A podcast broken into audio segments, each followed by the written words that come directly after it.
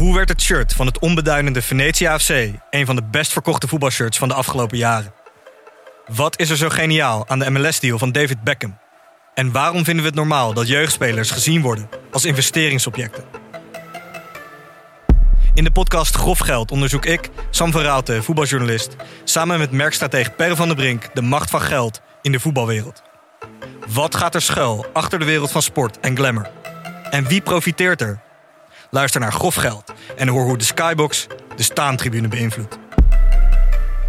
Vind je deze podcast leuk? Beluister dan ook de podcast Goudspraak. Ik ben Minkeboy. Als voormalig tophockeyster weet ik hoe Olympisch goud voelt. In de openhartige podcast Goudspraak praat ik met sporticonen die straks in Parijs voor het hoogste podium gaan. Over de weg naar goud. Beluister nu de podcast Goudspraak. Vandaag is Dick Advocaat jarig. En, dus die wou eh, jij alvast. en die mag jij eventjes feliciteren. Als cadeau een necrologie bedoel je? And uh, there used to be a ballpark where the field was warm and green. And uh, the people played their crazy game with a joy I'd never seen. And uh, the air was such a Welkom. Dit is niet goed. Ik wist niet dat we al begonnen waren. Nee, u Nee. hoort het eh, stemgeluid eh, van een debutant. Henk Spaan, wie heb jij naast je zitten? Carolina Trujillo is hier een debutant, maar zeker niet in Hartgras. Want ik denk dat jij toch echt wel meer dan tien verhalen in Hartgras hebt geschreven. Ja, ik denk het wel. Ja, zeker meer dan tien. Ja. Ja. En eh, waarvan de laatste vijf eh, gelekte telefoongesprekken of afgeluisterde telefoongesprekken tussen Messi en Suarez zijn. Correct. Geno- genoteerd als tolk eigenlijk. Hè? Ehm, ze zijn genoteerd als verslag van eh, getapte gesprekken. En daar zit een tolk bij. Als je voor degene die naar de, naar de mm, gegevens boven elk gesprek eh, kijken, zit daar altijd een tolk bij. En dat is S12. En dat is degene die altijd in elk gesprek terugkomt. Ja, alleen in de data, dat leest niemand, denk ik, in de, bij, boven, in de data boven de gesprekken. Ja, Dus maar, en je bent zelf, heb jij ook eh, gesprekken genoteerd vroeger als baantje? eh, ja, En je put uit die ervaring? Ja. Ja. Dus Henk, jij denkt dat het echte gesprekken zijn? Nee, maar het maakt allemaal wel een heel. Die, het noteren van die gesprekken maakt een hele professionele indruk. Dus eh, ik dacht bij mezelf, Caroline heeft meer met dit bijltje gehakt. Ja, dat is eh, wel waar. Ik heb dat werk heel lang geleden gedaan. Ja. eh, als tolk eh, gewerkt in, in, in dit soort zaken. Eh, dus het is, een vriend zei laatst, dus als een rechercheur dit leest, dan klopt dit. Ja, dan klopt het. Dan, dan kloppen de gegevens. eh. En je hebt heel sterk de neiging om dingen te willen laten kloppen. Want kijk, het is verzonnen, die gesprekken tussen Hé, zeg dat nou niet. Hè? Messi en Ja. Suarez. Die zijn duidelijk verzonnen. Maar alles eromheen klopt, hè? Z- eh, de plekken waar ze zijn, bijvoorbeeld, wel. Of tenminste, eh, ze mogen, het mag niet zo zijn voor mij dat, dat iemand zou kunnen opzoeken dat hij op dit moment niet gebeld kan hebben, want hij was toen aan het spelen, bijvoorbeeld. Ja. En ook de gebouwen waarin ze zitten kloppen. Liefst wel, De hotels waarin ze verblijven. ja. Eh, de, de, Maar dat zoek je dus allemaal uit. eh, nou, bijvoorbeeld toen de Copa America was, dan wilde ik moest ik weten wanneer ze aangekomen wa- waren. Want ze gaan elkaar dan natuurlijk bellen. En ik denk dat ze, ze zaten de hele tijd in hotels, dus het, waarschijnlijk was bellen ook een, een hoofdactiviteit. Dus dan moet ik wel weten wanneer ze aangekomen zijn. Eigenlijk- En of ze toevallig niet misschien in hetzelfde hotel zitten. Want dan, dan worden de gesprekken ook anders. Je bent eigenlijk de perfecte spotter. Ik zou het wel kunnen. Ja. Daar is Hey. een hoop over te doen. En je had laatst, eh, eh, bijvoorbeeld in de laatste gelekte gesprekken tussen Messi en Suarez, is er sprake van een vuilnisbak of prullenbak. Ja, Die staat dan voor een huis of een hotel. ja. En daar heeft eh, Messi dan de code van de, van, het, van de ingang van het hotel opgeschreven.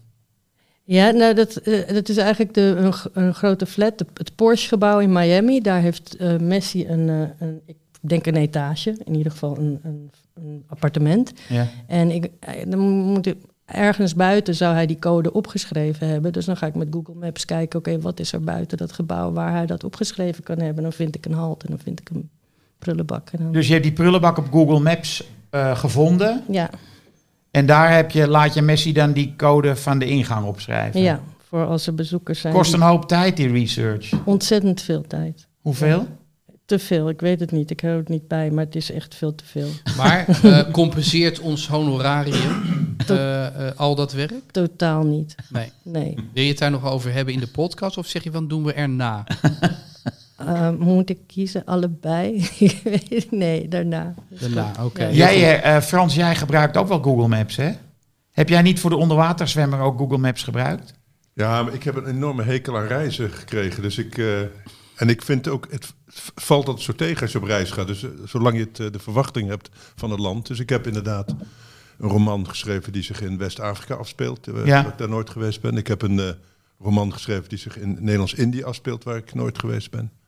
Dus ja, en, en mensen vinden toch altijd dat het heel erg herkenbaar is. Dus- of juist daarom, denk ik. Want mensen zijn toch geneigd clichés te zien. Hè? En ik gebruik ze misschien net iets minder dan zij ze zelf op hun ansichtkaarten gebruiken. Dus ze denken, ja, dat kan je niet verzonnen hebben. Maar Frans, jij zou dan geen geschikte eh, voetballer of keeper in jouw geval eh, zijn geweest. Want een voetballer reist heel wat af. Ja, het bergkamp zou ook geweest zijn, hè? Maar Ja. ja. ja. Vlieg je ook niet graag? Nee, liever niet. Maar ik, vroeg, ik had vroeger vliegangst, dat heb ik dan niet meer. Maar ik heb een, be- een beetje mensenangst. Dus ik vind, eh, als zo'n vlie- vliegtuig vol zit en je zit in het midden, vind ik het eigenlijk... eh, zou ik het liefst of het vliegtuig kapen dat ik in de cockpit kan zitten of uitstappen. maar dat, eh, je hebt weinig Weet keuze. je wat ook wil helpen? Een Laura's pammetje, hè? Die gooi ik er altijd in, in het vliegtuig. Ja. Ja. Ik heb vroeger ook wel vliegangst gehad. En ik nam dan eh Temesta en twee gin tonics. Van tevoren. Ja, En dan ging je werkelijk fluitend het vliegtuig in. ja, Of neuriënd eigenlijk meer. ja. ja, heel vroeger mocht je nog roken. Toen vond ik het wel leuk nog. Ja. roken en zuipen. Hè. Is dat ongeveer de laatste keer dat jij vloog? Nou, wel... eh, nee, nee, dat ook weer niet. Maar wel dat ik er goede herinneringen aan bewaar.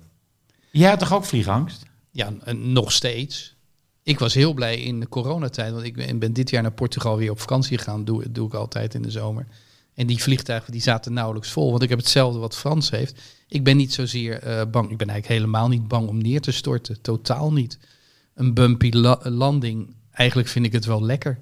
Maar het is eh, vooral dat volgepakte sardineblik, eh, waar eigenlijk niet niemand meer tussen kan.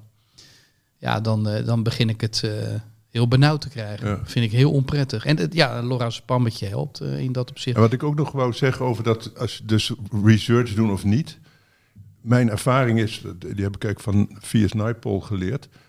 Als je pas als je meer dan een jaar in een land bent, kun je er iets, iets over zeggen. Dus als jij maar een weekje gaat of twee weken, wat al die Nederlandse schrijvers doen die dan eh, een inter- internationale roman willen schrijven. Ja, dan loop je dus met een reisgids door zo'n stad. Eh, Dat slaat helemaal natuurlijk nergens op. Dan kun je net zo goed thuis blijven. Tenzij je en die reisgids toerist, downloaden. tenzij je eh, toerist bent. Nou ja, dat is dus zo. Die, die Nederlandse romans in het Ja. buitenland zijn toeristenromans. En ja, of dat Heb nou je er zo- eentje in gedachten specifiek, Frans? Nee, want ik ben er niet zo in geïnteresseerd. Dus als ik zo'n roman aangeprezen zie van het speelt zich af in de, daar en daar. Feit, ja, ik doe het zelf dan wel, maar ik vind, ja, ik schrijf ook altijd uit een soort polemische motieven om iets te logenstraffen. Dus tegen iets in. Dus als ik een roman in Afrika laat spelen, doe ik dat niet eh, omdat ik dat eh, zo belangrijk vind om iets over Afrika te zeggen. Maar om te laten zien, eh, het is een koud kunstje. Lieve luisteraars, als u nou denkt, ehm, ik wil wat over voetbal horen. U komt aan uw trekken, zonder meer. Want dit is ook de jubileumaflevering. Dus wie zijn wij om het dan niet over voetbal te hebben? Hoezo jubileumaflevering? Wist je dat niet? Vorige week hadden we de 24ste uitzending. Eh, dit is de 25ste, Henk. Oh, gisteren bij Promenade was het bijna de 25e uitzending. En dat hebben ze gevierd door Diederik Ebbing een bosje bloemen te geven. Ja, Diederik was weer heel depressief, hè? Ja, die bloemen ontbreken hier een beetje, vind ik. Hmm. Nou, ik vind dat wij niet mogen klagen in deze studio. Goede koffie. Eh, het ging net over eh, eh, medicijnen, medicatie. Ik kijk even naar Carolina. Ja. Eh, daar heb jij toch ook wel verstand van? Eh, alcohol, drugs.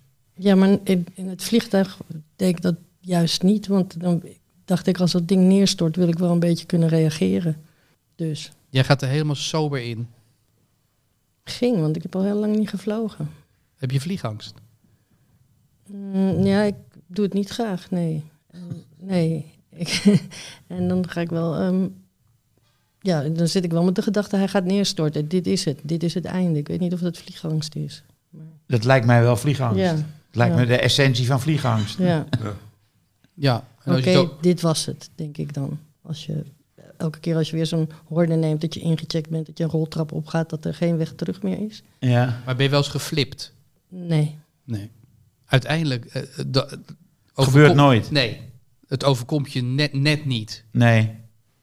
Het is wel zo dat mensen die eh, te- tegen hun vliegangst te veel gaan drinken, die flippen wel. Die worden heel agressief soms. Hè? Ja, ja. Je ziet wel eens van, die- op YouTube van die eh, telefoonopnames. hè. Zag je hem laatst, die kerel? Die Nou ja, werd echt door eh, tien andere passagiers gingen, gingen op zitten.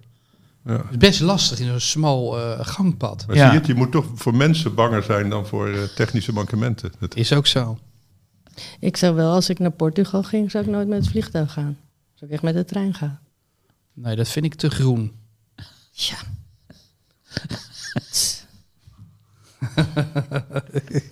Maar waarom zou je dan met de trein gaan? Lekker groen. Oh, groen. Oh, ja, en ook relaxed. groen, en, en ook relaxed. Ja. Ja, uit het raampje kijken. ben Over groen gesproken. Ja. ehm, de Toto heet u eh, van harte welkom. Toto zijn onze vrienden, Carolina. En jij mag straks eh, voor ehm, eh, Frank van der Lende spelen. Als jij daar ook naar rechts kijkt, dan zie je daar een heel groot scherm. En daar doen wij de voorspellingen. En dat gaan we strakjes doen. Eh, dus eh, eh, de man met lange haar daar rechts, Frank van der Lende, dat ja. worden de voorspellingen, die mag jij straks uitspreken. We houden er nog even de spanning erin. En Henk, als ik Toto zeg, dan zeg jij Dan zeg ik ehm, speelbewust 18 plus. 18 plus. Ja. Want je mag, als je beneden de 18 bent, Nee, mag je geen eh Nee, kansspelen doen. nee, Dat is wettelijk verboden. nee. ja, maar daarboven kun je nog steeds verslaafd raken aan gokken. nee, doen ze heel Zeker. veel aan. Zeker. Heel dit is geen veel aan. gokken. Dit is geen gokken. Dit is toch eh, Nee, dit is Dit is je kennis exper- en, eh, expertise in de strijd. strategisch Ja. inzicht. Nee, Ja. dit is gokken.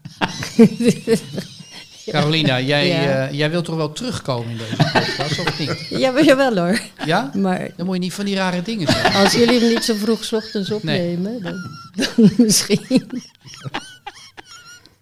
Ehm, ik kijk even naar mijn eh, linkerzijde, want Frans Tomees is nog niet, eigenlijk niet voorgesteld. Maar dat hoeft ook niet meer, want hij heeft zich in de basis gespeeld. Ja. Eh, er kunnen natuurlijk maandagen zijn dat hij niet meedoet. Maar ja, hij is in vorm. En misschien heeft dat ook wel te maken met de opdrachten die hij heeft. Want die, die voert hij altijd heel goed uit. Eh, hij is bij ons chef dood. Eh, Frans, eh, zijn er nog dode voetballers te betreuren afgelopen week? Bij mij is niemand binnengekomen, maar Nee? het is natuurlijk, ja, sport is gezond. Dus het kan zijn dat het tegenvalt dus, wat dat betreft. Geen oude voetballers die eh, het loodje hebben gelegd. Maar dan, eh, dan breiden we je takenpakket even uit. Doen we af en toe ook een verjaardag. Vandaag, eh, maandag 27 eh, september, is Dick Advocaat jarig. En, dus hier wou jij alvast en die mag jij eventjes feliciteren. als cadeau necrologie bedoel je? Nee, nee, nee. Het is een uitbreiding van het takenpakket. Dus je doet de dood en dan kom je met een prachtige necrologie. Maar een man die natuurlijk nog vitaal in het leven staat. En Hoe, oud in- wordt, hoe oud wordt ik? Nou, raden maar. 75? Nee, 74? ja, 74 jaar. Hmm. Ehm, nou, sta heel is wel een felicitatie waard. Ja, precies. Wat Ja. zou je hem willen zeggen? Ja, het is natuurlijk heel triest wat er met Dick gebeurt. Dus hij was natuurlijk... Voor, tot, tot vorig jaar was het een van de nou ja, iconen Kroon, van... Kroonprins eigenlijk nog steeds. Kroonprins en een van de iconen van het Nederlandse trainersgilde. Hebben het, eh, iedereen ten voorbeeld gehouden. En nu blijkt hij eh, ja, bij Feyenoord al een van de slechtste trainers van de laatste jaren te zijn geweest. Vervolgens gaat hij ook nog naar Irak. Wat eh, voetbaltechnisch natuurlijk eh, niks op aan te merken is. Maar politiek natuurlijk wel enige kanttekeningen bij te maken zijn. En dat, eh, dat heeft natuurlijk ook zijn reputatie helemaal eh, naar de galamise Nou, helemaal, helemaal. Het zijn smetjes. Ja, hij moet natuurlijk... Maar Feyenoord is eigenlijk wel... Dat zag er niet goed uit. Althans, het ziet er nu heel goed uit onder Arne Slot. Maar onder Dick zag het er niet best uit. Nee, het was wel echt Feyenoord voetbal onder Dick. In de zin van moeizaam en eh, hè, net winnen met een beetje geluk enzovoort. En nu met Arne Slot zie je toch een dynamiek optreden die, Ja, die echt eh, Nee, ongekend is. Die elke niet- week eh, dat dit seizoen vordert, eh, bewijst slot dat het een vak is. Dat het vak zich heeft vernieuwd. Dat er ontwikkeling zit in het trainerschap. Ja, want we kunnen ons niet voorstellen dat het doorslaggevende element in deze coaching wordt gebracht door John de Wolf. Nee, Dat kunnen we ons niet voorstellen. nee. Dus het is echt wel slot. Ja, we, we genieten met volle teugen. Ik wil Carolina nog eventjes aan jou vragen. Eh, is het eh, verboden, eh, vind jij, moreel om trainer te worden van Irak voor een Nederlandse voetbaltrainer? Nee, dat is niet verboden, dat mag toch? Nou ja, ehm, je hoort het ook vaak van moeten we gaan voetballen in Qatar? Moet je trainer willen zijn in Saoedi-Arabië of de Verenigde Arabische Emiraten? Eh, ik vind het altijd wel ingewikkeld, want welk land eh, mag dan nog wel? Ik bedoel, mogen we wel in China trainen? Eh, dus waar houdt dit dan op? En het antwoord zoek je bij mij? Ja, ja want ik kijk je niet voor niets aan. Ik weet niet of jij eh, heel langzame denker bent en zodat je al gaat praten en dan eigenlijk op briljante gedachten komt. Dat, dat maakt niet uit. Maar Ik heb hierover geen briljante gedachten. Ik had wel eh, tegen Henk gezegd dat als jullie moeilijke voetbalvragen gingen stellen, ik het over veganisme ging hebben. nee, dat, dat vinden wij, wij, vinden, wij, wij vinden doodlopende stegen, want dat is veganisme, ook prima. Ehm, weet je nog dat ik tegen je ging zeggen, hier, Jeff Hardeveld. Jeff Hardeveld? Speelt nu bij Emmen, Ja. speelde bij Heracles, Ja. is veganist. ja, maar daar ga je. Dus je, gaat, je begint hoog en je eindigt bij Emmen. Ja, nee, Zou dat niet door het veganisme komen? Nee, nee, nee, nee. nee. nee. Maar dat, dat ja, oké, dat zou ik Henk, Henk geloofde me niet, dus ik zou dat voor hem meenemen. Ja, Toch? maar ik zie het nu. Ja, kijk, hier. Jeff Hardeveld Ja, is een rechtsback volgens mij. En volgens mij helemaal geen slechte ook. ja. En hij ging de bioscoop in, keek naar de Game Changers. Dat is een mooie film, Netflix. En ehm, toen... Finito. Ik, Dan ging de ik- biefstuk. Ja, Hmm. veel gezonder, herstelt veel sneller. Zonder. Dus Maar, eh, dat is zijn reden. Ja. Jij, jij eet ook geen vlees? Ik eet geen dieren, nee. Melk? Nee, dat is voor kalfjes. Koeienmelk bedoel je? Ja. Nee, is voor kalfjes. Dus eh, het is Alpro. Ja, als het moet. Soja. Ja, Hmm. als het moet. En heb je voor onze luisteraars eh, nog een, een, een ultieme tip om veganist eh, te, te worden? Ja, kijk naar de documentaire Earthlings op, op YouTube. Gratis. Kijk of je hem uitzit. Dat is niet te harde. Nee, mag jij ook doen. Ik hoor graag van jou tot waar je gekomen bent. Nee, daarvoor ben ik te zeer eh, gesteld op het ossenhaasje van mijn slager. Ik eet echt bijna nooit meer biefstuk. Echt. Ja, weet je wat ik wel eet? Is steak tartare in Parijs. Maar wat vind je van dierenmishandeling? Vreselijk. Maar als jij dat ossenhaasje koopt, dan Mhm. koop je toch dierenmishandeling? Nou ja, mijn slager die maakt mij wijs dat dit eh, rund heel veel vrijheid heeft genoten. Maar het is doodgemaakt en het wilde leven. Dat is dierenmishandeling, toch? Dat weet ik niet. Dat ligt eraan. eh, eh, ja, ik bedoel, ja, ik, ik weet het eigenlijk niet. Ik, ik heb spijt eerlijk gezegd dat ik deze doodloop ben ingeslagen. Nee, Ik weet niet of die eh, heeft geleden zoals eh, een, een, een kistkalf die eindigt in het abattoir. Die beelden heb ik dan ook gezien, afschuwelijk. Of die ook zo heeft geleden. Er is een gradatie in leed. hoe denk je dat die dood is gemaakt? Beschrijf dat voor me. Nou, ik, ik denk een kogel door Intussen het hoofd. praten Frans en ik even over, eh, Kogel door het hoofd. Over de Duitse verkiezingen. Zijn keel wordt Zijn doorgesneden. keel wordt doorgesneden. Over Ja. vleeseters gesproken. Ja. Duitsers. Maar Ja, Ik denk niet dat het... Nou, ze hebben de, de linkse hebben, dat zijn natuurlijk ook eh, geen vleeseters. Die hebben flink gewonnen in Duitsland. Ja. En ze hebben er ook ooit eentje gehad die eh, er ver mee gekomen is. Wie? We, eh, ja, De bekende vegetariër eh, Ah, en, en, aha. en hondenvriend. Aha. ja. Is, was hij vegetariër of veganist? Wie, wie, Hitler. wie? Hitler. Ik geloof vegetariër. Maar ik weet het niet zeker. Maak jij daar een onderscheid in? Vegetariër? Zeker. Vegetariër is voor mij hetzelfde als een vleeseter. Maar Hitler vond het niet zielig voor dieren. Hi- Hitler deed het eh, uit eh, gezondheidsoverwegingen. Ja. Dus eh, hij, een, een dier martelen, daar zat hij toch niet echt mee volgens mij. Zou die blondie hebben gemarteld? Nee, zijn eigen dieren niet, hè? Eigen Zijn dieren eigen eerst. volk heeft hij ook niet... eh, In dat opzicht schiet mij ineens te binnen. PSV moet op bezoek in Graas. Spelen tegen Sturm Graas. Ehm, en daar, goed bruggetje. ja, in Graas is het zo dat de communisten de baas zijn eh, geworden dit weekend. Of misschien vorige week. Hoe vind je dat? In Oostenrijkse Graas Ja. is de gemeenteraad... eh, Helemaal communistisch? ja. Oh. Ja, Gaan ze dingen verbieden? Ik kan me niet voorstellen dat ze een coalitie kunnen vormen. Hè? Maar is het voor PSV nog eh, in, in, dat opzicht eh, handig om bij het afreizen nog iets mee te nemen als je in zo'n communistisch bolwerk gaat spelen? Spijkerbroeken. Dat deed het vroeger altijd heel goed.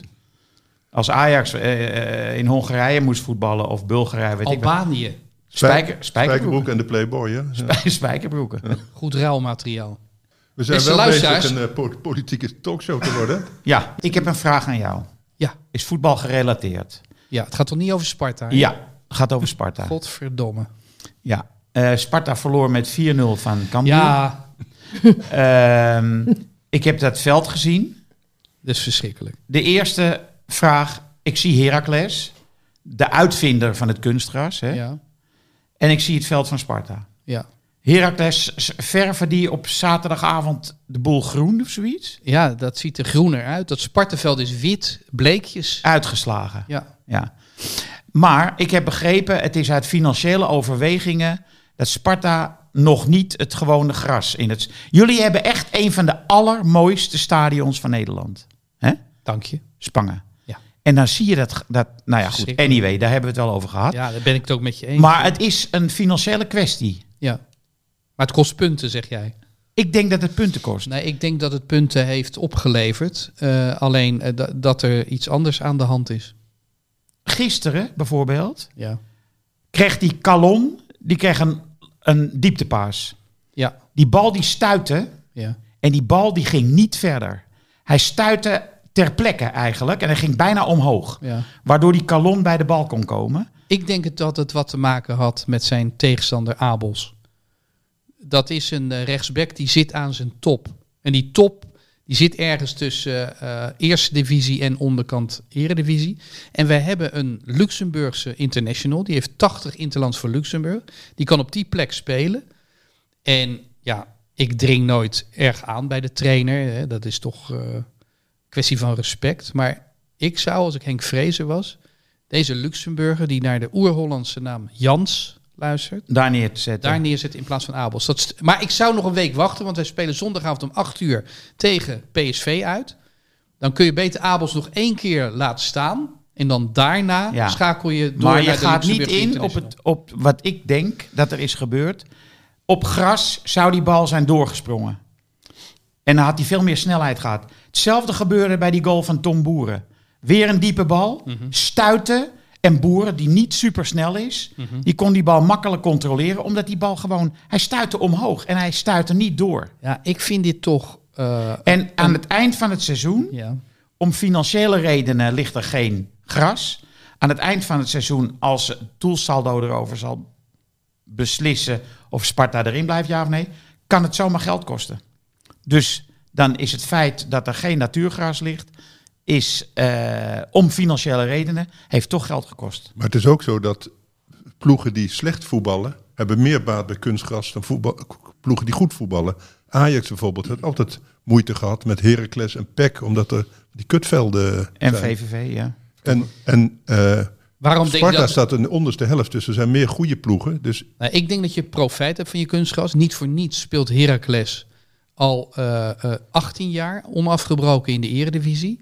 Die hebben zich dat eh, voetbal eh, eigen gemaakt. Die spelen ook nog eens op eh, top kunstgras. Beter dan dat van Sparta, vrees ik. Ehm, dus ik denk dat het je voordeel oplevert. Maar ik geef het eh, door aan het eh, management eh, bij Sparta. Ze zijn daar voortdurend aan het rekenen. Want eh, Ja, het is, eh, en, en, wat ook belangrijk is, krijgen we, krijgen we een één of twee nieuwe spelers. Sparta heeft gewoon eh, eventjes wat... wat In de winterstop. Ja, Hm. dat duurt nog even. Eh, ik heb jouw takenpakket trouwens, Frans, nog verder uitgebreid. Ehm, want ik vind dat je die dood, chef dood, wat ruimer moet nemen. We nemen afscheid, een deze weken, maanden, eigenlijk dit weekend al, van vrouw Merkel. Hè, er zijn verkiezingen in Duitsland geweest. Eh, zou jij eh, vrouw Merkel kunnen uitluiden? Jij hebt een fascinatie voor Duitsland. Ehm, en ook al is, is zij natuurlijk eh, geen, geen voetballer geweest, naar ik weet. Of ze zou voor met Jurgen Spaarwasser in de spits hebben gelopen. Maar is mij niet opgevallen tijdens het WK van Nee. 1974. Maar zou je vrouw Merkel even kunnen uitluiden? Wat heeft zij betekend eh, Nou ja, voor, voor de wereld? De dood in Duitsland hangt natuurlijk wel nauw samen. Je hebt het bekende gedicht van Paul Celan. Hè, Der Tod is een Meister uit Duitsland. Dus dat in die zin eh, stap ik makkelijk over van mijn ene takenpakket naar mijn andere. Eh, ja, Duitsland, ja, Merkel. Nou ja, ik denk wel een goede, een goede verdedigster in het vrouwenvoetbal, denk ik, geweest. Hè, maar, Zou me niet verbazen. stevig, dicht, dicht bij de grond, goed, goed bij de bal kunnen. Type rechtsback. Ja, komt mo- je komt er moeilijk langs, denk ik. Ja. En, eh, maar goed, als, eh, ik denk ook als boendeskansler heeft zij dat ook op die manier opgelost. Het is, een, eh, het is natuurlijk een conservatieve vrouw. Wat, Maar wel positief, hè? Wir schaffen das. Ja, oude, oude waarden en zo. Ja, dus in die zin een ouderwets soort politicus die ook gelooft in de, in de retoriek van woorden. Dus zij heeft veel, laat ik zeggen, verbaal heeft zij dat heel goed gedaan. Duitsland is natuurlijk wel een beetje achterstallig eh, geworden. Er zijn natuurlijk ook best wel veel problemen die opgelost moeten worden. Dus in die zin is het wel goed dat, dat ze plaats maakt, denk ik. En, eh, dus, eh, en Maar maakt het nog uit dat zij speelde voor CDU? Je, hebt, je, hebt, je hebt voetballers waar, waar het eigenlijk niet uitmaakt bij wat voor voetbalclubs ze ze speelden. Nou, speelden zij voor het CDU. Ik denk, heeft het hier niet onze voorkeur, het CDU? Als wij hadden moeten stemmen van het weekend. Wat had jij gestemd dan? Eh, SPD. Ja, hetzelfde als Henk. Ja, ik ook. Die, eh Ja. die, die, die, eh, die, die Scholz lijkt me een leuke, saaie, degelijke vent. Hij, hij laat zich ook niet van zijn sokken lullen. Vond ik ook wel goed. Die, eh, die Latschet zat zich de hele tijd maar aan te stellen. En die, hij, eh, gaf geen krimp. Dus ik vond het een, eh, ik vond het een prettige figuur, moet ik zeggen, die Scholz. Dus dat maakt eigenlijk niet uit. Hè? Nee, dat denk ik niet. Eh, CDU eh, of SPD. Nee, ik denk dat het zelfs om- beter is als je een sociaal-democratische bondskanselier hebt. Dus dat betekent de, de machtigste eh, ja, le- land- leider van een land die sociaal-democratisch is. Ik denk dat dat heel goed is voor bijvoorbeeld de ontwikkeling van de minimumlonen, voor ja, sociale zekerheid en zo. Want dat, dat vergeet iedereen. Die, die Merkel is natuurlijk keihard geweest in lonen onderuit halen. Dus, eh, er eh, ontzettend veel armoede in Duitsland ook. Als je even verder kijkt dan eh hè, Bayern München, zou ik maar zeggen, en die Mercedes. Dan, dan, dan eh, zie je ontzettend veel achterbuurt en, en, en ellende en weet ik wat.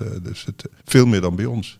Ik vond wel dat zij heel goed, de, ik zag die foto van de week weer, eh, haar minachting via blikken kon overbrengen.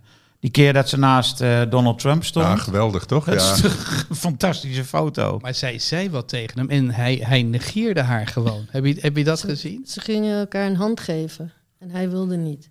En de fotografen wilden, dat is die scène toch? De fotografen wilden dat ze een hand zouden geven voor de foto. En Trump wilde niet, die hield zijn handjes bij elkaar. Dus toen zei zij, de fotografen willen dat we elkaar een hand geven. En toen wilde hij nog steeds niet.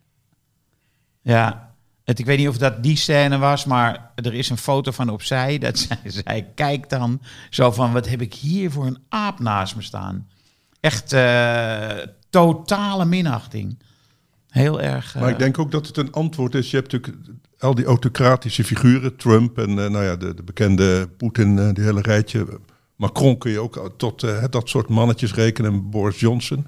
Dat wij, denk ik, als Nederlanders blij zijn met een soort anti-charisma, wat heel stilletjes opereert. Hè? Dus die Merkel, dat lijkt net van eh, de oud omaatje, die kun je wel opzij duwen. Zo, zo gedroeg Trump zich ook. En vervolgens krijgt ze natuurlijk veel meer voor elkaar dan, eh, dan menig eh, haantje. Dus dat, dat is, en daarom ben ik wel blij met die Scholz. Dat is ook zo'n zo'n grijze muis die natuurlijk enorm gaat profiteren van onderschatting. Ja, het is niet iets wat in het voetballen opgaat. Deze, eh, deze. Nou. Nou. kijk, Anthony heeft weinig van een grijze muis. Nee, de, op het voetbalveld niet, maar wel bij trainers vind ik het Vind wel ik zo. ook. De praatjesmaker trainer is toch op zijn retour, vind ik. Hè, de ik vind Mourinho, Slot de bij Feyenoord vind ik een verademing hoor. Omdat hij normaal doet. Ten Hag ook. Dat zijn, dat zijn toch die bescheiden trainers die, die, doen, die het stilletjes goed doen. Die Wormoed bij, eh, hè, is ook een goede trainer. En die hoe moeten we in deze Schmid zien? Herr Schmid van PSV. praatjesmaker. Ja? Vind jij praatjes maken? Ja? Ik vind het een vreselijke vent, eerlijk gezegd. Die trekt ook alles naar zich toe. Lult alles recht wat krom is. Spreekt zich eh, week na week tegen. Gelooft ook heilig in een soort theorie. Wat ik ook verdacht vind. Hè, als je Ten Hag hoort. Die heeft het altijd over die spelers. Die heeft het nooit over een of ander systeem. Maar altijd over eh, hoe die jongens eh, functioneren. En hoe ze moeten functioneren. In mediatechnisch maakte hij een enorme fout toen hij bevraagd werd door Hans Kraaij junior. Hè? De vragen waren zo Oh ja, Oh ja. ergerlijk. Dat hij tegen Hans zei, heb je zelf gevoetbald? En toen zei Hans junior, ja 17 jaar, maar niet op zo'n hoog niveau. Maar wel Eh, beter. Nee, Maar wel beter dan jij, u. ja. Ja, was leuk. Of jullie vinden eh, Schmid een hele bescheiden aardige man dus. Eh, ik nou, heb geen hekel aan hem. Nee. Nee, ik ook niet. En eh, kijk, zo, zodra in de voetbalpers mensen als Gieren zich op eh, één figuur storten, Ja, heb ik ook. dan heb ik eh, meteen sympathie voor die figuur. Ja, de underdog. Nou, dan wordt hij een soort underdog. Maar oké, ik vind niet... Je kunt, als je Gakpo hebt die in vorm is... is het misschien niet al te slim om die na 50 minuten te wisselen in een wedstrijd. En Madueke is toch ook zijn vorm vrij snel kwijtgeraakt door, door dat gedoe. Zou je denken door die wissels? Ik vind het wel raadselachtig dat iemand zo snel zijn vorm verliest, toch? Dat hij eh, eerst... eh, Ja, ze hebben veel gespeeld. Hè? Veel, eh, ze hebben het meeste wedstrijden gespeeld. PSV van, eh, van alle clubs. Ajax heeft dat ook jaren gehad, hè? ook met jonge spelers. En daar heb ik dat verhaal nooit gehoord. Dat toen de tijd Frenkie de Jong en de Licht en zo uitgeput waren in september. Dat, dat is toch een heel nee, het klinkt wel gek, ja. Uitgeput in september. Ja. Dat is toch ook wel een fijne boektitel. Ja. Nee, dat, en dat stoort me aan. Ik denk dat de pers dat ook heeft. Dat, dat gelul van hem, dat stoort toch wel, vind ik. Het, het is zo eh, eh, ongeloofwaardig. Mm. Jongens, we gaan de toto even doen, de voorspellingen. Eh, Frans Tomezen, jij bent even Matthijs van Nieuwkerk. Heerlijk. Carolina, jij bent even Frank van der Lende. ja, maar Ah, ik heb een keer een hele lelijke column geschreven over de Toto. Nou ja, heel kritisch. Ja. Wie? Ik weet niet of Wie? die lelijk was. Nou, als je het niet wil doen, dan, dan doe ik Frank van der Lende wel hoor. Ik wil het wel doen, maar... Oh eh, nee, maar de, maar dan- de Toto is vast vergevingsgezind. En Bovendien, eh, wij, wij hebben het eh, recht om uit te nodigen wie wij willen hoor. Zeker Aha. weten. We leven in een vrij land, eh, Carolina. Dus Ja. als jij een kritisch stukje over de Toto hebt geschreven, dan kun je rustig nu zeggen. Bij Ajax Beziktas, zegt Frank van der Lende, 4-0. Eh, 4-0. Ik Ja. zeg 2-2. F- eh, Matthijs, 2-0. Henk Spaan. 5-1. Maar ik wou eigenlijk 5-0 zeggen. Maar er staat, Ah Om- joh, dat maakt niet om duistere 5-1. redenen, staat daar 5-1. Ja. Maar eigenlijk zeg ik 5-0. Eh, dan hebben we eh, PSG, G, PSG, Paris Saint-Germain, Saint-Germain. Manchester City. Henk Spaan. 1-2. Oh ja? Ja. Oké. Eh, ik zeg 2-2. Carolina, eh, dan wel Frank van der Lende. Die zegt 1-1. En Matthijs zegt... Ja, Matthijs is een Parijs-kenner, hè? dus die, eh, die weet er alles van. Die, die zegt 2-0 voor eh, Paris Saint-Germain. Nee, inderdaad. En hij is nog even langs Père Lachaise geweest natuurlijk. Daarom. Sturmgras PSV, Henk Spaan. Eh, gelijkspel. Ik zeg PSV wint. Matthijs, Matthijs altijd positief, PSV wint. PSV wint. En wat zegt Frank van der Lende? Sturmgras wint. Nou, dan hebben we dat ook. Ja. Ehm, Ik heb, ik, ik, ik heb Ja. Besiktas gezien hè, tegen Borussia Dortmund. Ja. Die ploeg is beter dan je denkt. Nou, maar daarom heb ik ook gezegd 2-2. Alleen, zij hebben nu zoveel blessures. Hun beste speler, Pjanic. Ja. Onbegrijpelijk dat Koeman, daar komen we zo meteen nog even op, Die heeft laten gaan? dat hij hem zomaar heeft laten gaan. Dat vind ik, daar snap ik nou helemaal niks van. Want die was tegen min of meer de beste man van het veld. Tegen, nou goed, Jude Bellingham van Borussia Dortmund speelde in die wedstrijd ook heel erg goed. Eh, maar die Pjanic, dus een hele goede middenvelder. Met oog voor de ruimte, steekballetjes, et cetera, you name it. En die hebben dus een goede rechtsbuiten. Die eh, nu geblesseerd is, die van Lyon kwam. Eh, dus wat dat betreft heeft Ajax enorme mazzel. Ja. Want eh, ik geloof dat ze in totaal vier van hun basisspelers niet kunnen opstellen. Dus Ajax gaat het makkelijk winnen. Ajax eh, heeft zes punten eh, eh, deze week en is al bijna zeker van eh, de achtste finales. ja, klopt. Ongelooflijk. Ja. Ik keek gisteren eventjes naar Rondo. Dat was hartstikke leuk. Oh ja? Ja, alleen al omdat Gullit en Van Basten er, er zitten. Ja, het is niet altijd leuk, maar... eh, En waar ging het over? Nou, eh Gullit begon over een stuk in de Daily Mail. En die zei dat, eh, daar stond een, st- eh, een heel stuk in, dat de Ajaxiden, die een paar jaar geleden zo goed waren in de Champions League, struggelden eh, bij hun clubs. Matthijs de Ligt, Van de Zie je? Ziyech ook werd eh, genoemd. Ehm, zou het zo kunnen zijn dat ze te veel eh, verwend zijn? En Van Basten was weer heel kritisch over Matthijs de Ligt. En, over was Gravenberg ook... ook. Hè? En over Gravenberg was, Was hij ook heel kritisch? Oh, heb je gekeken? Ja, ja. Ja. Ja, was hij ook super kritisch over. Maar dat kwam een beetje omdat Gravenberg had geantwoord na een midweekse wedstrijd bij Fortuna. Eh, dat het wel moeilijk was om gemotiveerd te blijven. Oh, ja. En toen zei Van Basten, hallo, je bent 18 jaar. Ja. Kom op, wat heeft hij dan betekend tot nu toe Ja. voor Ajax? Dus die kilden hem echt. Opvallend, hè? Ja, ik vond het... Ja, Van Basten doet dat wel vaker. Soms denk ik om te prikkelen of zo. Want, want Ja, hij schiet dan echt uit zijn slof. hè? juist bij die talentvolle spelers. Hè? Dus het is ook wel... En de licht had hij natuurlijk al eh, te grazen tijdens dit EK. Afgelopen EK. En daar begon hij nu ook weer over. Maar zou het zo kunnen zijn dat, eh, dat ze te vroeg weggaan? Want dat was een beetje de conclusie eigenlijk van Gullit en, en Van Basten. Nou ja, Ziyech is 27 of 28. Ja, voor Ziyech geldt het niet. Ziyech heeft gewoon de pech dat die trainer een bepaald speltype eist, eh, gebaseerd op de counter. En eh Ziyech is gebaat bij balbezit. Dus dat strookt niet met elkaar. En Van de Beek vind ik gewoon verkeerde ploeg. Je moet niet naar een elftal gaan waar ehm, Pogba en Bruno Fernandes eh, spelen. Want dan eh, moet je met vier anderen vechten om één plekje. Want die staan er altijd in. Dus dat is echt niet... eh, ja, en van, van Frenkie vond ik ook flauwekul. Zei die, hè, dat hij of postbode, weet ik wat. Hè? nee, dat- Nee, Gullit zei, Gullit, Barcelona speelde in, die, in, in dat drieluik waarin Koeman zich moet manifesteren. ja, Zonder eh Frenkie de Jong. Eigenlijk speelde Barcelona toen het best. Zonder Frenkie de Jong. Afgelopen dat viel Gullit wedstrijd. op. Want het ging sneller. Het ging directer. De bal werd niet gebracht. ja, maar die tegenstand die was ook wel vrij matig van die Ja. wedstrijd. Ik heb die wedstrijd gezien. Maar al die drie teams die die tegen had, Koeman, eh, afgelopen week, die waren natuurlijk niet denderend, toch? Ja, maar wel taai. Dat Granada is best een taai... eh, en Cadiz ook. Ja. En wat, wat was het Alaves, hè, deze, tegen wie ze moesten? Ik, ik onthoud, Ja. ook, onthoud nee, van ze die... hebben gespeeld tegen Levante gisteren. Oh, Levante Gisteren, was het, ja. ja. Ik eh, onthoud die eh, Spaanse middenmotors slecht. Nee, zelfs eh, Luc de Jong was sneller dan zijn, dan zijn verdediger. Dus zo, zo zwak was eigenlijk Levante. Dat je gaf op een gegeven moment gaf Des een steekpaasje. Toen was Luc op volle snelheid er voorbij. Dus dan, dan weet je het wel. ja, niveau, zou ik maar zeggen. Luc de Jong die scoort. Ja, dat, dat Ja, gaat hem. leuk. Op snelheid. Vond jij hè? het leuk, Carolina? Op- Ja, omdat hij er zo van lang... Weet je, wat Henk net zei, als iemand er zo van langs krijgt, dan ga je daar sympathie voor krijgen. En, en hij werd zo, die keuze om Luc de Jong te nemen, werd zo afgekraakt de laatste tijd, dat het wel mooi is als hij dan scoort, toch? Ja. Eh, Dan komen we eh, eh, eigenlijk te spreken over jouw column in eh, NRC, toch Henk? Ja, Ja, we gaan het niet hebben over de rode kaart van Koeman, maar je mag... Nee, dat mag. Wat wil je erover zeggen? Dat is mooi toch, als een trainer een rode kaart krijgt en op de tribune moet zitten. En dan, gaat- dan gaat ook dat mechanisme in werking treden. Oh, jij denkt dat dat heeft geholpen gisteren?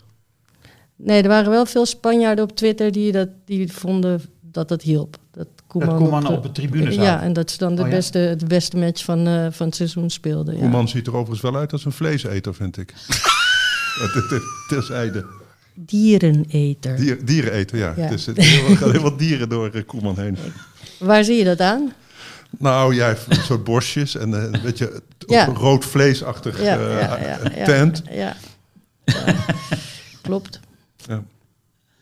maar eh, jij Maar- hebt een stukje in de NRC van vandaag over eh Koeman. En ja. jij denkt dat het feit dat hij gebrekkig Spaans spreekt, hoewel in onze oren spreekt hij natuurlijk vloeiend Spaans, eh, dat dat ook wel in Spanje zelf hem niet helpt.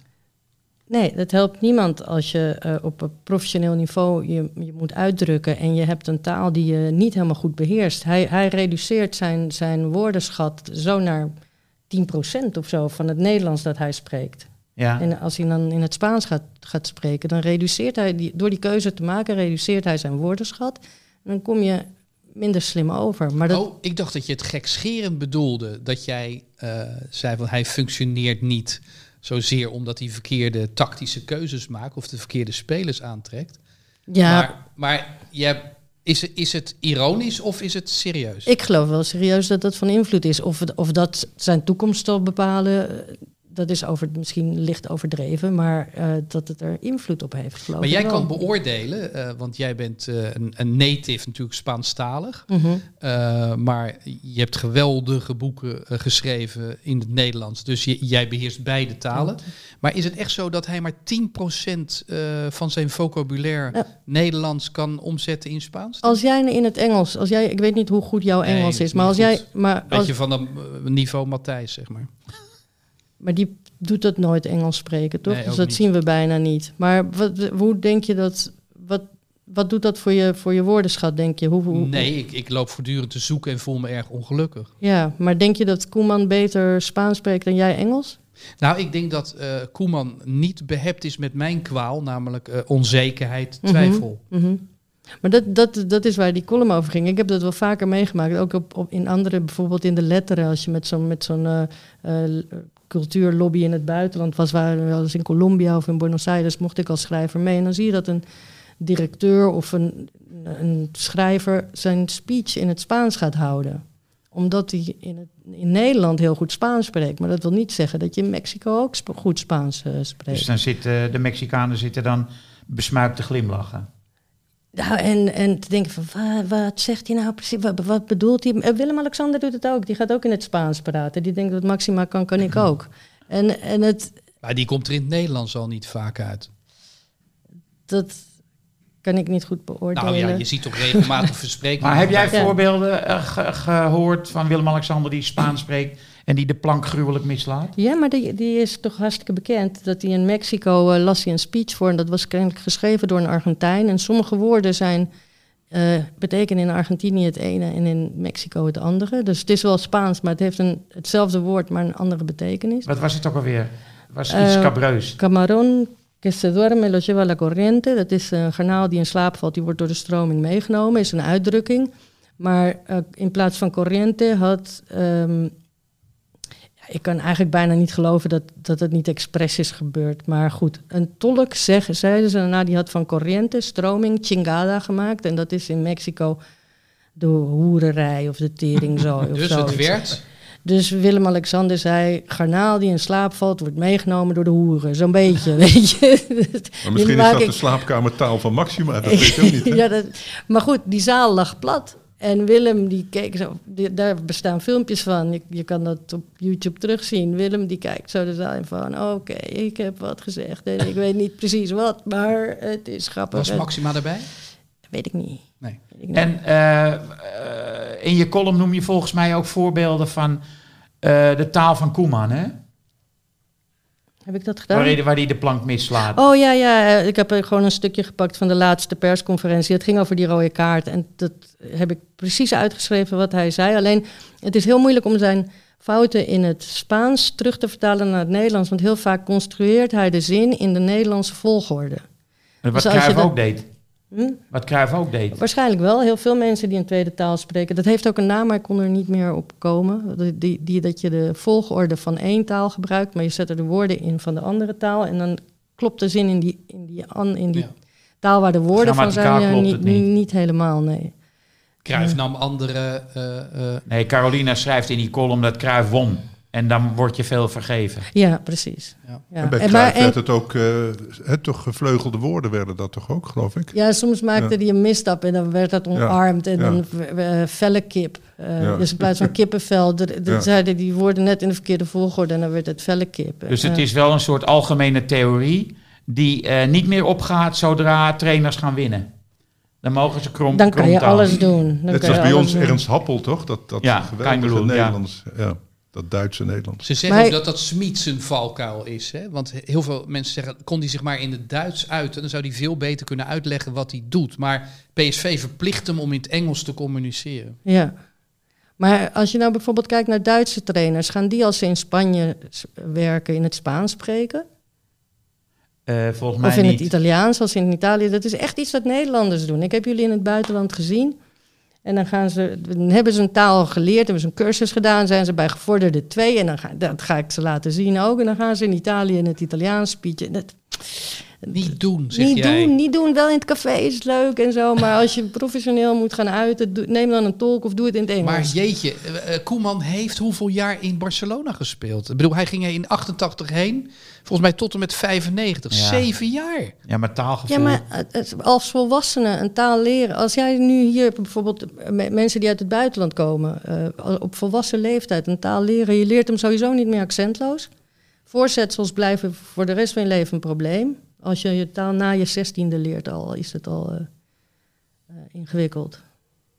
Dus als Jij je dat- kwam hier, hoe oud was jij? toen ik was zes. Ja. Dat is een beetje de grens van of je nog tweetalig bent of een tweede taal hebt. Eigenlijk vanaf je zesde zeggen de taalkundigen, dan ben je een tweede taalspreker. En geen tweetalige. Worstel jij desalniettemin, je kwam hier al met zes, met Nederlands soms? Soms de de en de het doe ik soms nog fout. Mhm. De, eh, vooral en- niet de de en de het, maar wel de dit en de dat. Die, als ik ga verwijzen, dan doe ik het soms verkeerd. Dan moet Nou ja, je hebt wel eens betrekkelijke voornaamwoorden, inderdaad. Dat, dat- dan zet jij ergens, ik weet dat omdat ik je tekst altijd zie. Dan staat er bijvoorbeeld, eh eh, comma, die, dat. Hè? Ja, En dan moet het misschien dat zijn. ja. Ja.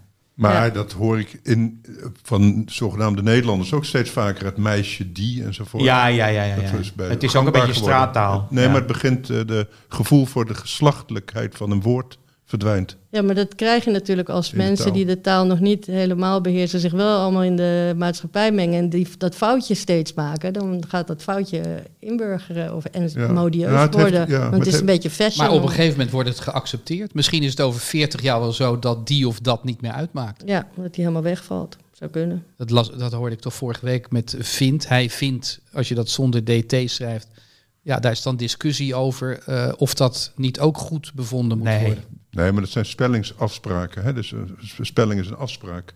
En als je dat individueel allemaal gaat veranderen, dan, dan is het woordbeeld niet meer eh, herkenbaar voor eh, iedereen. Dus het, eh, Maar Carolina, eh, de tip die jij nu rijkelijk laat aan Ronald Koeman geeft is... Aan alle Nederlanders die op hoge posities in het buitenland publiek moeten toespreken. Het is leuk dat je dat je, je Spaans beter beheerst dan je vrienden en de mensen op de camping. Maar daar moet je niet in gaan speechen. Zou je dat ook tegen bijvoorbeeld Ook- Rutte of Kaag zeggen? Maar die spreken toch altijd in het Engels of nemen een tolk. Die zijn niet gek. Die weten wat imago voor je doet. Dat is wat ik niet snap. Er zijn allemaal mensen bezig met het imago. Ook van, van Koeman, denk ik. Weet je? Ze denken na over wat ze aandoen. Wat, wat ze als kleren aantrekken, omdat dat nou, een boodschap... Koeman eh, kan beter Ja, wat anders aantrekken dan... Maar ehm, Ja, maar niets verhult, zeg maar. En ik weet er alles van. Ik heb zelf ook een buikje. Ehm, ja, dan is het heel moeilijk om kleding te vinden Ah, die maskeert. wel. Ja, jasje erover. Maar er zijn wel mensen die dan zeggen: dit moet je wel aandoen of dit moet je niet aandoen. En misschien was dit Ja. een slecht. Maar dat er niemand zegt: nee, gast, doe het in het Engels. Want je komt gewoon intelligenter over. En het, die- het lijkt meer of je weet waar je het over hebt. Als je zit te stamelen en naar woorden moet zoeken. Zeker in die vraag-antwoord-momenten. Weet Nou je? lijkt me het Engels van Koeman ook niet... eh, Nee, maar het is een Nederlands Dat is ook. beter dan de gemiddelde Spanjaard, denk ik. dat wel, ja. Ja, dus maar ik heb eh, bijvoorbeeld Lubbers, toen hij nog premier was, een keer in het Franse journaal Frans horen spreken. Ik schaamde me, ik schaamde me echt. Nou, misschien heb ik dat als ik ze in het Spaans hoor spreken. Ja. nee, gast, doe Ja. het nou niet. Wat Ja. zeg je nou? Ja. Hoe is jouw Duits, Frans? Vloeiend. Ik, kan, ik, dompel me onder in de Duitse eh, massa. Dan, Maar het eh, is wel lekker om als Nederlander, als je, het een, als je denkt het een beetje te kunnen om Duits te spreken. Ik kreeg ooit een compliment van Simon Cooper.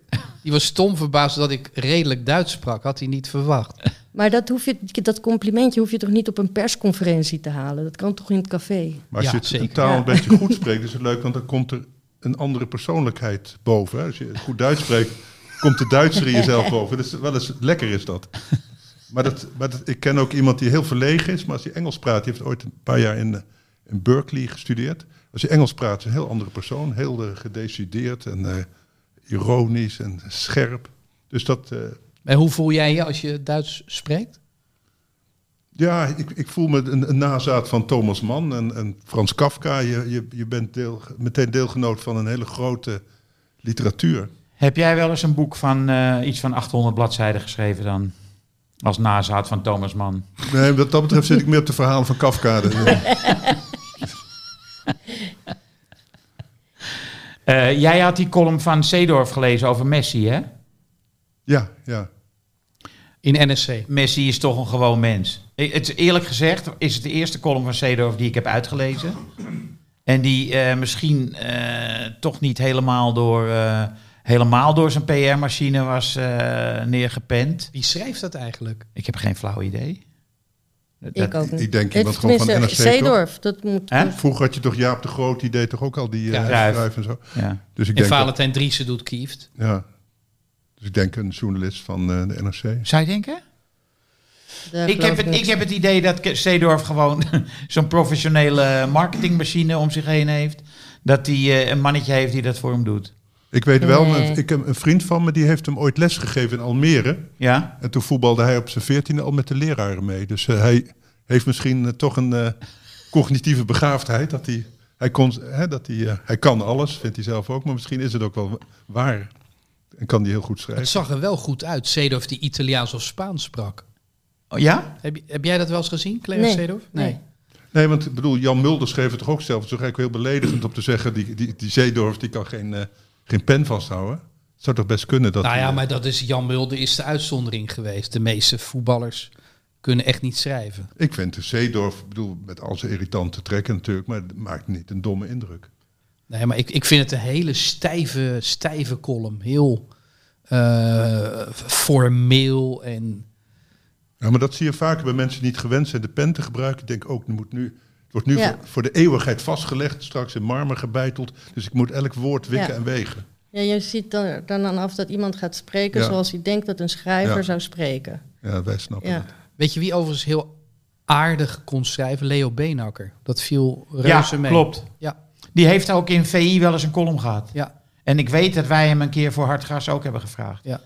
Maar eh, Ik denk ook dat Leo Beenhakker, eh Carolina, eh, goed Spaans sprak. Heb ik ook geen Spaans horen spreken. Ik wil trouwens nog wel zeggen dat het Spaans van Cruijff wel echt heel goed was. Ja. Mhm, ja. hij sprak ook Catalaans, geloof ik, hè? Eh, Of niet? Ik geloof het niet of niet, niet goed genoeg. Nee, Het nee. is veel beter Spaans, want anders zou hij Catalaans hebben gesproken. in Maar hij heeft wel ooit die beroemde zin gezegd. eh hè, eh, Eén Paloma. zwaluw maakt nog geen zomer. Una Paloma. Zo had hij er duiven van gemaakt. Ja, dat zijn... eh, ja, ja. Eén duif maakt nog geen Una zomer. paloma wit- no hace verano. Ja. Ja. Ja. Dus als jij zegt, hij spreekt goed Kruif, dan doen bij mij dat beeld op van Kruif die even goochelt, die Nou ja, twee hij- vogels in een hooghoed gooit en er komt Ja. dan een duif uit. ja, maar zie je, dat, dan was hij nog wel zo lenig in taal... dat hij nog wel even kon zoeken naar een andere vogel. En, dat dan had hij in het. Nederlands ook. Dus dat is een soort Dat is. Ja, elasticiteit van Ja. geweest. Ja. Dus hij, ja. Ja. daar kunnen we nog eens een hele aparte eh, uitzending over maken. Het, eh, de taalgevoeligheid van Johan Cruijff. Maar eh, die, die eh die schrijft dus dat Messi zich niet thuis voelt in Parijs... en dat je nog steeds dat aan zijn spel nu kunt zien, hè? Ja, dat vond ik het mooie. Wij zijn toch gauw geneigd om iemand die heel beroemd is... als een soort superman te zien. Hè? Dat die, ah, ook met die hele overgang naar Parijs... het werd toch een beetje gesuggereerd alsof er een masterplan achter zat. Terwijl het is natuurlijk toch eh, voor hem ook verrassend geweest. Hij won die Copa America, kwam die terug naar Barcelona. Ze dachten het lek is boven bij, eh bij Barça. We gaan nu weer lekker voetballen. Hij had er zin in. Toen kwam dat eh, gedoe van die Laporta en dat ge, ge- cijfergegoochel. En toen moest hij ineens weg.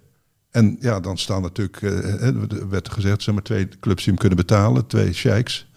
En ja, dan is het keuze Manchester of... Parijs. Die, Parijs. die keuze is niet moeilijk, nee. En dan wordt het natuurlijk Parijs voor hem. En dan kan Ja. hij inderdaad, hoeft hij niet met het vliegtuig, kan hij inderdaad met, eh, met de auto op en neer als hij zou willen. Maar ik denk dat, dat dat zie je wel aan hem af, dat hij ongelukkig is. Hij is niet meer eh, het jongetje. Hè? Hij is natuurlijk altijd een soort jongetje gebleven die in Barcelona op zijn dertiende kwam. En daar eh, ja, op, op, op pleintjes voetbal als het ware. En nu zit hij in die, in die, in die propagandamachine van Parijs met al die, met die flauwekul allemaal. En je ziet, hij is er niet gelukkig mee. En dat vond ik wel mooi van, van Zeedorf, dat hij dat benadrukt. Dat ook iemand als Messi gewoon thuis, een thuisgevoel moet hebben en een, en een team met vrienden. En, Ja, want hij had hetzelfde in, eh, bij, in Madrid. Zeedorf zegt dat. Zeedorf zegt dat ik Ja. heb vier jaar in Madrid gevoetbald. Toen was Ja. ik gelukkig. Toen moest ik daar weg en ik heb dat geluk nooit meer, teruggevonden. Ja. En dat is natuurlijk bij Messi helemaal. Die is al 34. Wa- Ja, de, ik zou er ook niet aan moeten denken.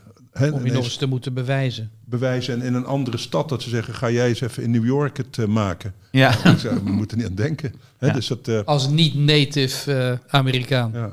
Overigens, eh, over Messi gesproken, in deze nieuwe Hartgras. Hartgras 140, verkrijgbaar in de betere boekhandel en online natuurlijk ook. Staat een voorpublicatie, eigenlijk een napublicatie uit het boek van Simon Cooper over Barcelona. En dat gaat, eh, dat is ehm, iets meer dan de helft van zijn hoofdstuk over Messi eh, bij Barcelona. Maar daar was hij ook wel heel erg machtig, hè? Eh, Simon is erg negatief over Messi. Hè? Ja. Nou ja, hij- Nou Messi... ja, hij heeft de club om zeep geholpen, Hij heeft de club van binnen opgegeten. Ja. Zoiets. Zo, zo, zo'n Ja, zin iets heeft hij, dergelijks. Ja. Eh, dat, eh, eh, dat als eh, Messi kon door. eh, ik ken ook wel mensen ehm, die als ze in een gezelschap komen, dan eh, door hun zwijgen of zo, beheersen ze onmiddellijk de sfeer. Hè? Door, of door een bepaalde manier Ja. van kijken. En Simon schrijft dat eh, Messi dat in de kleedkamer dat effect ook kon hebben. Dus Ja. eh, Ja, maar ik mooi toch. gezegd, ja, mooie maar ik ben- vergelijking. ja, maar dat, ik vond dat toch gek, want hij had inderdaad kwart van alle salarissen, slokt hij zijn eentje op. Maar ik denk, de verpeste geld is natuurlijk naar hele andere spelers gegaan die eh, ook zoveel Zeker. verdienden. Dus ik, ik denk dat het aankoopbeleid van die, eh, van die vorige voorzitter Klopt. is natuurlijk veel drie, drie kwart meer schadelijk geweest. ja, dat Hè? is zo. En geen eigen kwekers doorgekomen. En je Ja. ziet nu hoeveel goede jonge voetballers lopen er nu rond. Ja. Die Araujo en. Gavi. Ga, Ja. die ga, die- ga- ga- Pedri. Gavi, Gavi. Ik weet niet hoe je het moet uitspreken. Gavi. Ik ook niet, want volgens mij, nee, ik, ik weet het ook niet. Gavi hoor ik en ik, ja, als ik het lees, lees ik toch. En die. Nico González, hè, dus je ziet de een na de andere goede speler eh, breekt daar door. Dus dat is natuurlijk toch gek dat dat tien jaar niet gebeurd is. En om dan Messi de schuld te geven, vind ik ver gaan. Maar Het is de structuur van de club onder die vorige voorzitter. Ja. Hoe lang gaat Koeman het daar nog uithouden? Ik kijk even naar de overkant. Haalt, haalt hij de kerst? Nou, weet je, die rode kaart die hij laatst kreeg, die, ehm, die, die, ik weet niet of die misschien een beetje gunstig voor hem is. Ja, maar dan zou hij dus Waarom, altijd... waarom?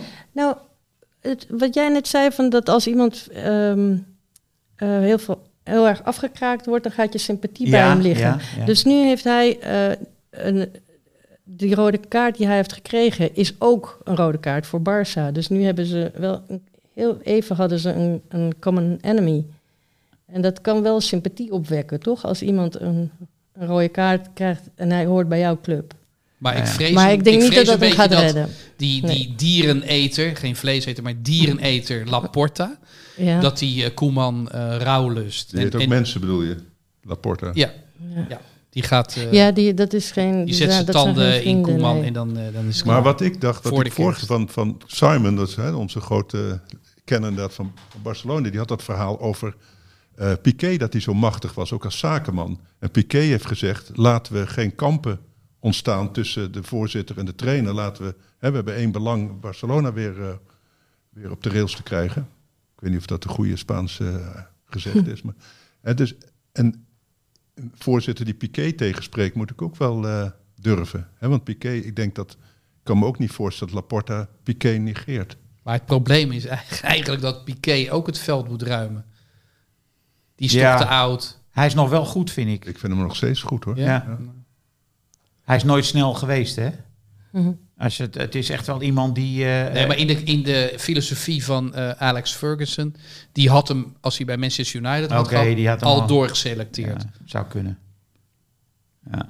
Ja, maar hij is nog steeds, ook, ook als hij hè, in, in de slotminuten naar voren moet, Als spits. ja, Ja. de- ontzettend gevaarlijk. ja. Ja, maar daar hebben we nu Luc de Jong voor. Want het is met Virgil van Dijk de meest technische centrale verdediger die er bestaat. Hè? Dus, Ja.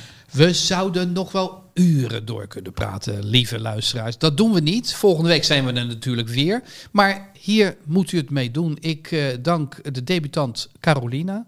Henk Spaan, Frans Tomezen. Fijn dat jullie er waren. Eh, we bedanken natuurlijk de Toto die dit alles faciliteert. Ehm, ja, ik moet snel door naar Maestro. Oh ja, dat was wel vervelend, Henk. Vorige week, Carolina, waren er eh, twee, drie mensen van Maestro die hier de boel verschrikkelijk zaten op te houden bij podcast. Henk gaat meedoen aan Maestro. Tenminste, ben je geselecteerd? Mag je meedoen? Want dat was het. Ja, mag je meedoen? Ja, ik heb, eh, ik heb de. Dat is wel een eer, hè? Ja, ik heb het eh, zijn eh, staat op groen. Ja. Weet je wat Maestro is? Geen flauw idee. Nou, de, de, de- ehm, nou Henk, vertel jij het maar. Je moet eh, eh, eh, als niet-dirigent moet je een Oh, orkest dirigeren. ga jij de, ik, weet, ik weet wat het is. Ga jij dat doen? Ja. Oh nee, je moet geselecteerd worden. Nee, ik ben geselecteerd. Je bent, oh, wat Hoeveel gaaf. zijn dat er, Henk? Hoeveel mensen? Ik dacht zeven. En eh, heb je nog Toch- meer namen? Of Nee, dat mag ik niet. Oh, je weet het wel, natuurlijk. Mag het nu bekendgemaakt Oh, wat worden? leuk. Dus nou, moet... eh, ze zeiden dat ik het mocht bekendmaken. Nou, bij deze, dus we hebben het nieuws nu in deze podcast Ja, aan het ja, eind. En dat is echt een scoop, dit. Oh, Dit is een scoop. Ik kijk hier erg naar uit. ja, dit is een, ja, dat is een leuk programma. En, we, en we mogen ook het repertoire, de vijfde van Beethoven, heb je op het programma staan. Hè, voor- Nou, ik heb eh, moeten oefenen in een soort introductiefilmpje met de vijfde van Beethoven. Zwaar werk voor een dirigent, echt. Echt, want er er zitten gewoon ehm, eh, zoveel tempowisselingen in. Dat kan je als... als Dus ze gooien jou meteen in het diepe. Je- nou, voor de leeuwen. Jongens, jongens, stil eens. Horen jullie dat? Frank Sinatra. Yes, there used to be ballpark.